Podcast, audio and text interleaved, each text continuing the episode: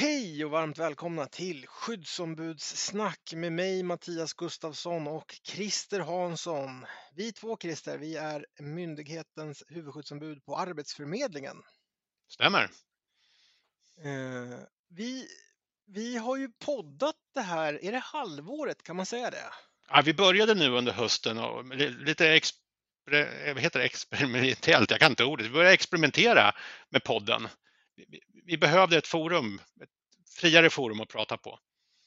Ja, det är väl också precis. Vi ville, vi ville få ur våra tankar och så då ville vi få in det i en podd och så hoppas vi att det finns någon som tycker att det är bra att lyssna på. Eh, du, nu har vi närmat oss årets slut på en myndighet som i sen typ fyra år tillbaka har bara så lallat på som en myndighet om man nu får raljera lite så har det, liksom, det har varit en myndighet på riktigt liksom. Mm. Eh, när vi tillträdde Christer, det var ju luntor med papper att läsa. Herregud. Ja. ja. Och det var utredningar och det var det ena med det andra och så eh, liksom, ja, kom det ut någonting i slutändan. Ja, men vi kom in, du och jag fick våra uppdrag för, för, för tre år sedan och vi kom in i ett pågående arbete att realisera förnyelseresan. Så de här luntorna med papper var ju alla betänkanden och skrivelser om hur saker och ting skulle gå till och sen som skulle sjösättas strax därefter. Vi gjorde en tillbakablick 2019 därför att 2019 innehöll någonting som myndigheten på ett sätt aldrig hade varit med om. Eh, och det var tack vare en, en politisk styrning där vi fick en budget som, som inte lirade riktigt med det uppdrag vi hade. Eh, så vi fick dels eh, då, 2019, lägga eh, det största varslet i modern tid. Eh, och vi fick samtidigt då hantera fortsatt våra kunder på exakt samma sätt men, men med nästan en fjärdedel mindre eh, personal. Så att 2019 upplevde vi att det fanns väldigt mycket att liksom prata om och se tillbaka på. Just det här att helikopterperspektivet, vad är det vi har varit med om på Arbetsförmedlingen? Mm. Ja men precis, när vi, när, vi blickade när vi blickade tillbaka på 2019 så kändes det som wow vilka år det här kan det bli värre. Verkligen. Ja. Du, och så gick vi in i 2020 och ja. det är väl vår tanke lite grann med den här podden idag att, att också titta lite tillbaka på och se vad, vad är det vi har varit med om. Mm. Eh, vi började året med att vi hade en ny generaldirektör, Maria Mindhammar, mm. eh, som tillsattes någon gång där i december. Mm. Eh, jag kommer ihåg det liksom än idag, även fast det, det var på ett år sedan. Det där lät ju historieböcksskrivning. Men, men eh, det var så fascinerande. Det var presskonferens och mm. ministern åkte väl upp till huvudkontoret och pratade och presenterade den nya generaldirektören. Det var liksom så här pomp och ståt ja, ja. på någon vänster. Jo då, jag var framme och pratade med ministern. Jag har ju träffat henne förut i, i andra sammanhang. Då, så att, uh, var framme och skakade ja, ja. Tackar, tackar, tackar, tackar. Ja, tackar. Ja. Eh, nej men precis, och, och, eh, så att, och det var en happening liksom. Och, så, mm. och vi, vi hade ju fördelen att Maria Mindhammar var ju tidigare överdirektör på Arbetsförmedlingen, så vi hade ju ett bra snack med henne liksom. Ja. Vi pratade väl mer med henne än vad vi pratade med Mikael Sjöberg som då var generaldirektör. Ja, jag gillar Sjöberg, jag gillar saker han sa och gjorde, men jag hade ju lärt känna Maria också som överdirektör och hur hon tänker och fungerar så att att hon fick upp det, för det var ju det jag hoppades på, vem ska ta över efter Mikael? Så det, det, var ju mina förhoppningar att Maria skulle kunna dels vilja ha uppdraget men också faktiskt få uppdraget och det fick hon. Så det, det gjorde mig väldigt glad och jag är fortfarande glad över det. Den glädjen sitter kvar för att hon har varit väldigt bra för myndigheten det här året som har gått. Verkligen. Eh, ett av hennes första stora beslut, eh, i alla fall inte och mig, det var ju att tillsätta en verksamhetsområdesdirektör för tre verksamhetsområden. Det här, nu blev det många eh, Svenska Akademiord här. Men vi på Arbetsförmedlingen har våra, som alla andra organisationer misstänker, en organisationskarta, en skiss på hur vi organiserar oss. Och där ligger den operativa verksamheten främst i något som heter verksamhetsområde arbetssökande och verksamhetsområde arbetsgivare. Och så finns det en del på verksamhetsområde direkt som innehåller vår kundtjänstdel och också eh, kulturmedia och så finns det eh, enheten granskning och kontroll där. Eh, så att vi, de tre områdena är, innehåller vår operativa verksamhet och då utsågs Linda Schöndorotche till att bli eh, boss för de här tre. Ja, och Men med, med tre, på tre olika stolar kan man säga. Ja, tre olika uppdrag. Precis, så hon är tre direktörer i en och samma person. verkligen. Eh, och, eh, men, det, det var väl någonting vi såg var positivt, för vi förstod att man kommer inte göra om organisationen, för det var väl också ett sånt där getöga vi stirrade in i och försökte förstå varför i hela världen gör man inte om organisationen för när vi uppenbarligen har en organisation som inte stödjer den verksamhet vi vill bedriva. Men så är det, vid, vid ett visst givet beslut, vid, vid, vid en viss given tid så, så, kan ett beslut vara helt rätt just i den stunden. Uh, och det, det, upplevde jag att i den stunden var det beslutet rätt. Du, sen sa det bara smack kan man säga. Mm. Det kom en pandemi. Ja i början så var vi sådär, ah, det där var väl någonting bara i Kina. Ah, mm. det där var väl någonting bara i Italien. Ah, mm. det är väl bara någon som har haft det i Sverige. Ah, mm. det där är väl inte så farligt. Sen mer och mer bara gick det som ett jetplan rakt igenom hela mars, februari, mars och bara shit, det här är stort alltså. Eh, och vi började studsa på det där och började få liksom frågor och vi började fundera själva på vad är det här för någonting? Nu måste ja, det... vi hitta åtgärder och förstå, förstå hur vi ska hantera det. Det var ju som att vända på en hand, det gick väldigt fort när det väl slog till här i Sverige. Och myndigheten var ju snabbt ute också och reagerade på det. Alltså hur, för våran del, hur, hur ska vi göra? Det är två faktorer. Dels hur påverkar det här arbetsmarknaden, vilket det gjorde då väldigt hårt, men också vårt interna. Hur ska vi bete oss? Fort var myndigheten ute och skickade hem medarbetare att jobba hemma och fort var myndigheten ute och försökte se till att medarbetare hade eh, en ordentlig skärm, tangentbord och mus till de som så önskade. Eh, det var, det var väl någonting vi så här i efterhand kan tycka var väldigt bra då man fortsatt hör, liksom under hösten så hörde man nyheter på ehm, institutioner och organisationer som, som skick, nu har vi bestämt att skicka hem skärmar och då tänker man, ja vad bra, vi var ändå lite tidigt ute där.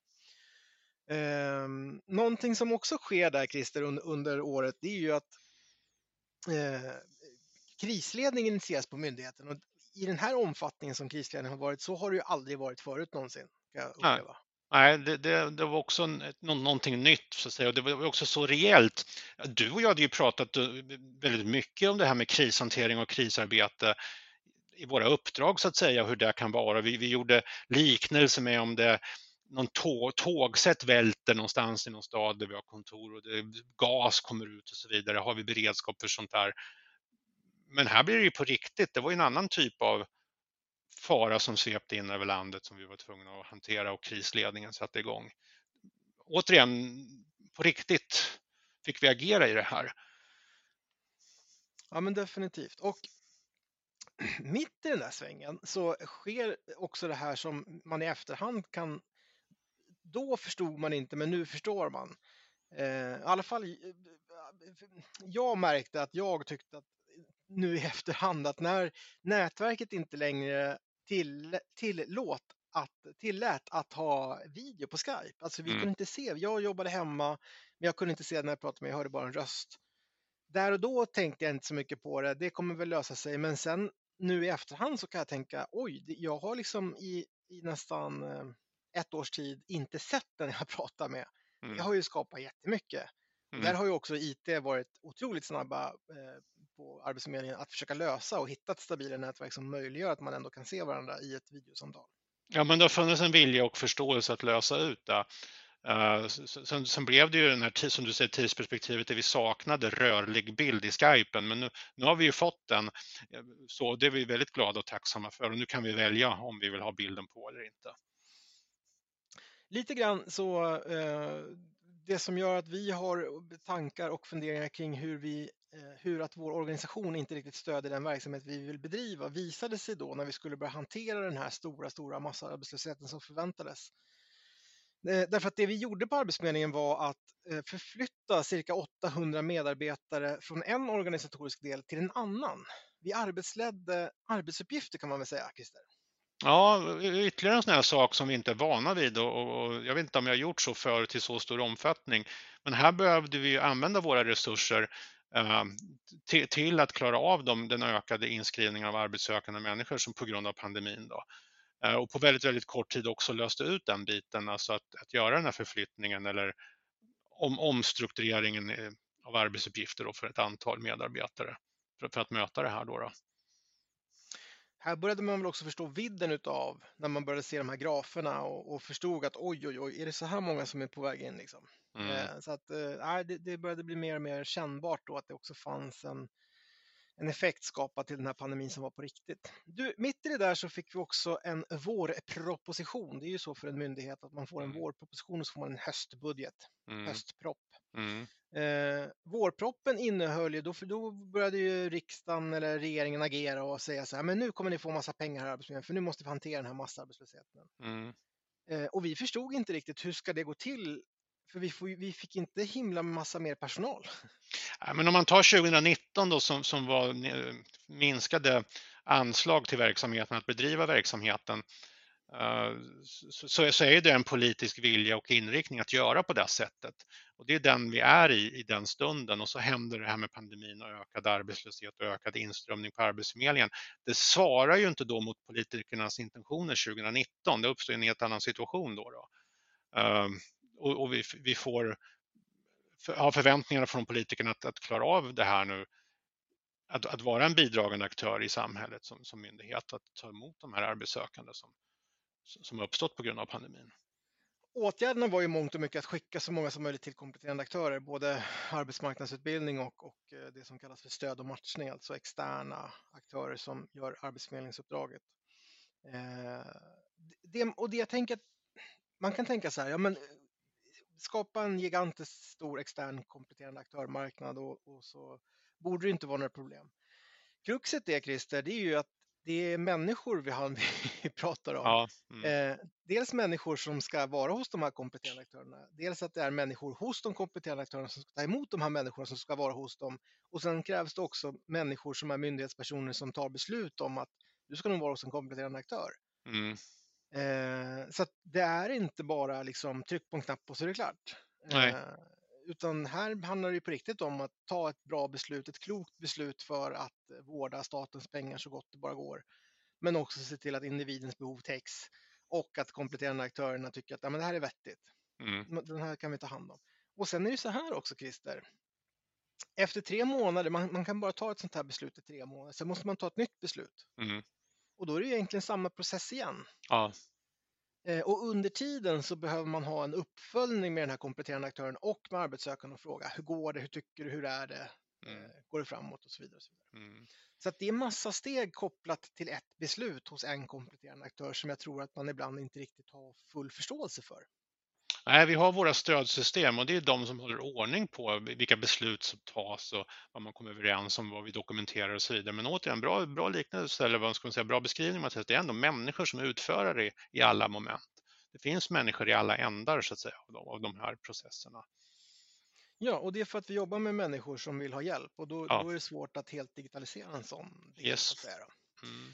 Eh, vi, när, vi, när vi var på väg in på semestern och vi fick liksom sista myndighetssamverkan och, och förstod då att i semester, för att klara av sommaren så krävs det någonting ja, jätte, jättestort. Det krävs någonting fantastiskt för att vi ska kunna klara av det här. Vi Mm. såg grafer som bara pikade spikrakt upp med antalet inskrivna och kötiderna på kundtjänst ökade och planeringssamtalen hopade sig och hopade sig.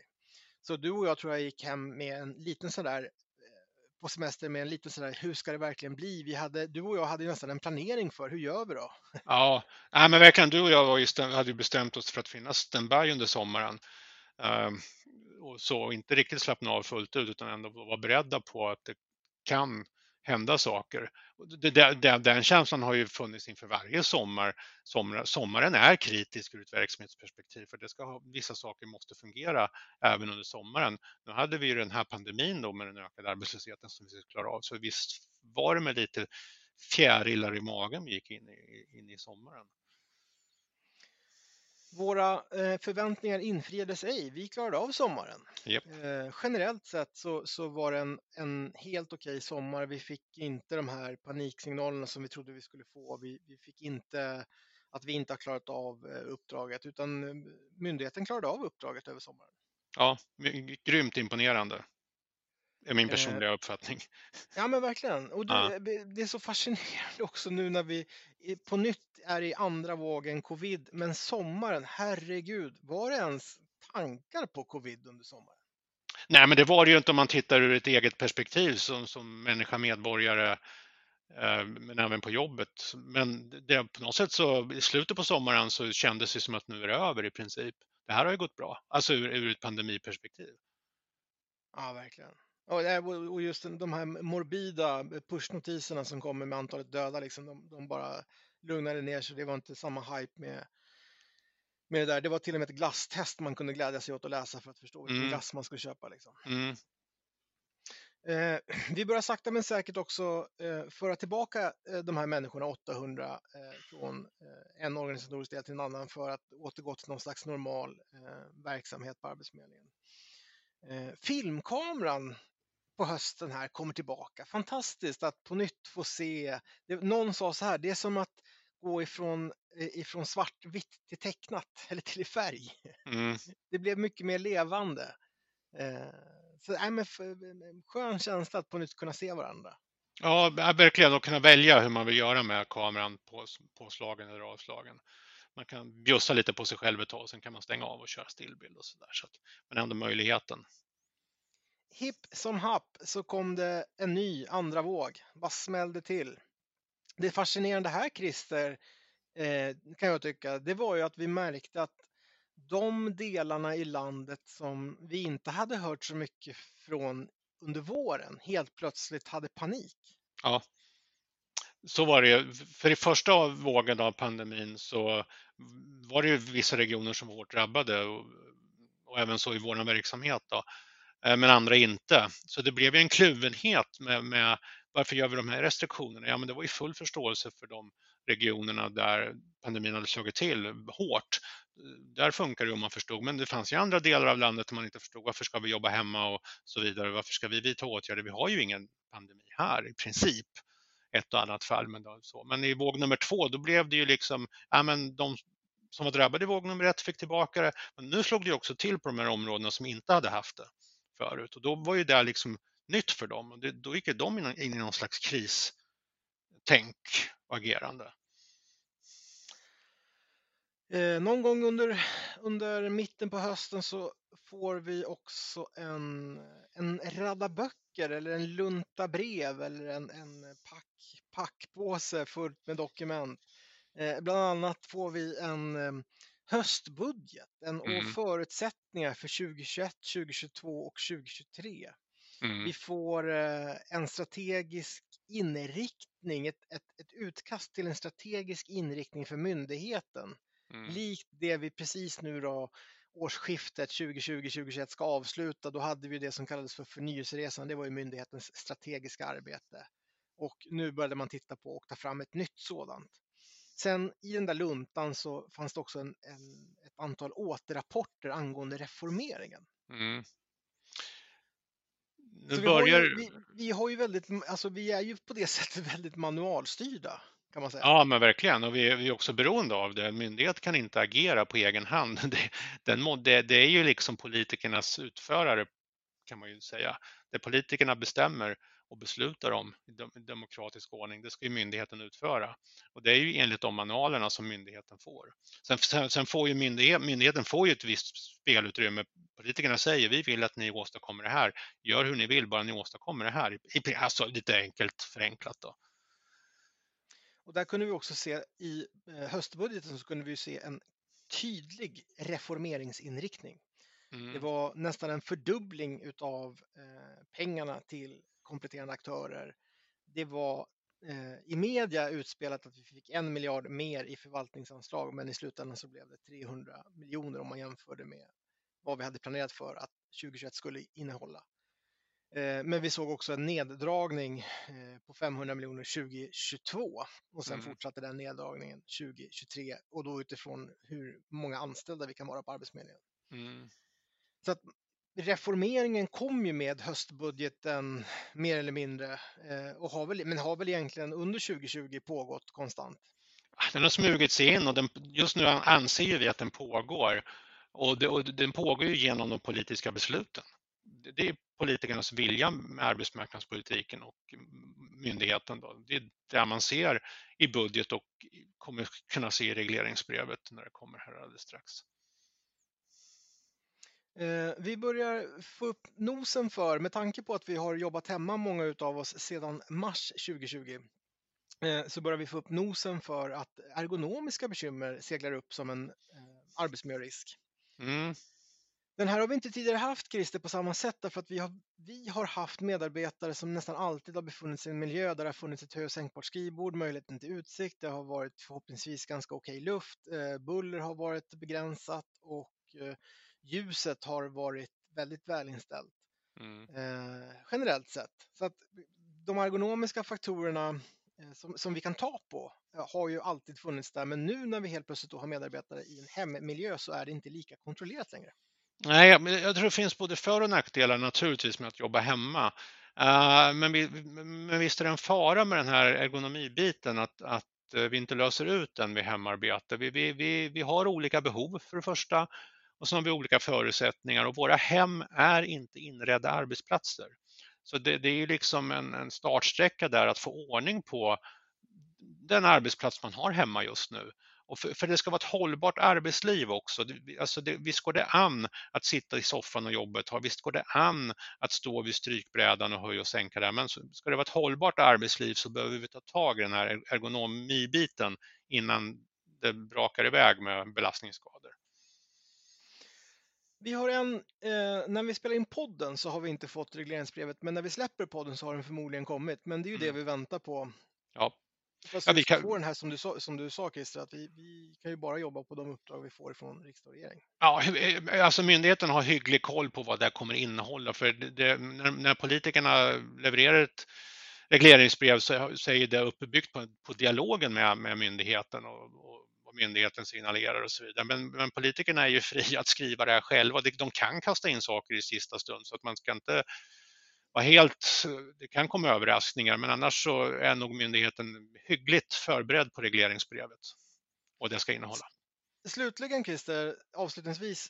Det, det jag tror att vi på myndigheten behöver förstå och ta med oss på riktigt, det är vilket otroligt jobb vi har gjort 2020 för att hantera den massarbetslöshet för att hantera de krav riksdag och regering har ställt på oss som myndighet.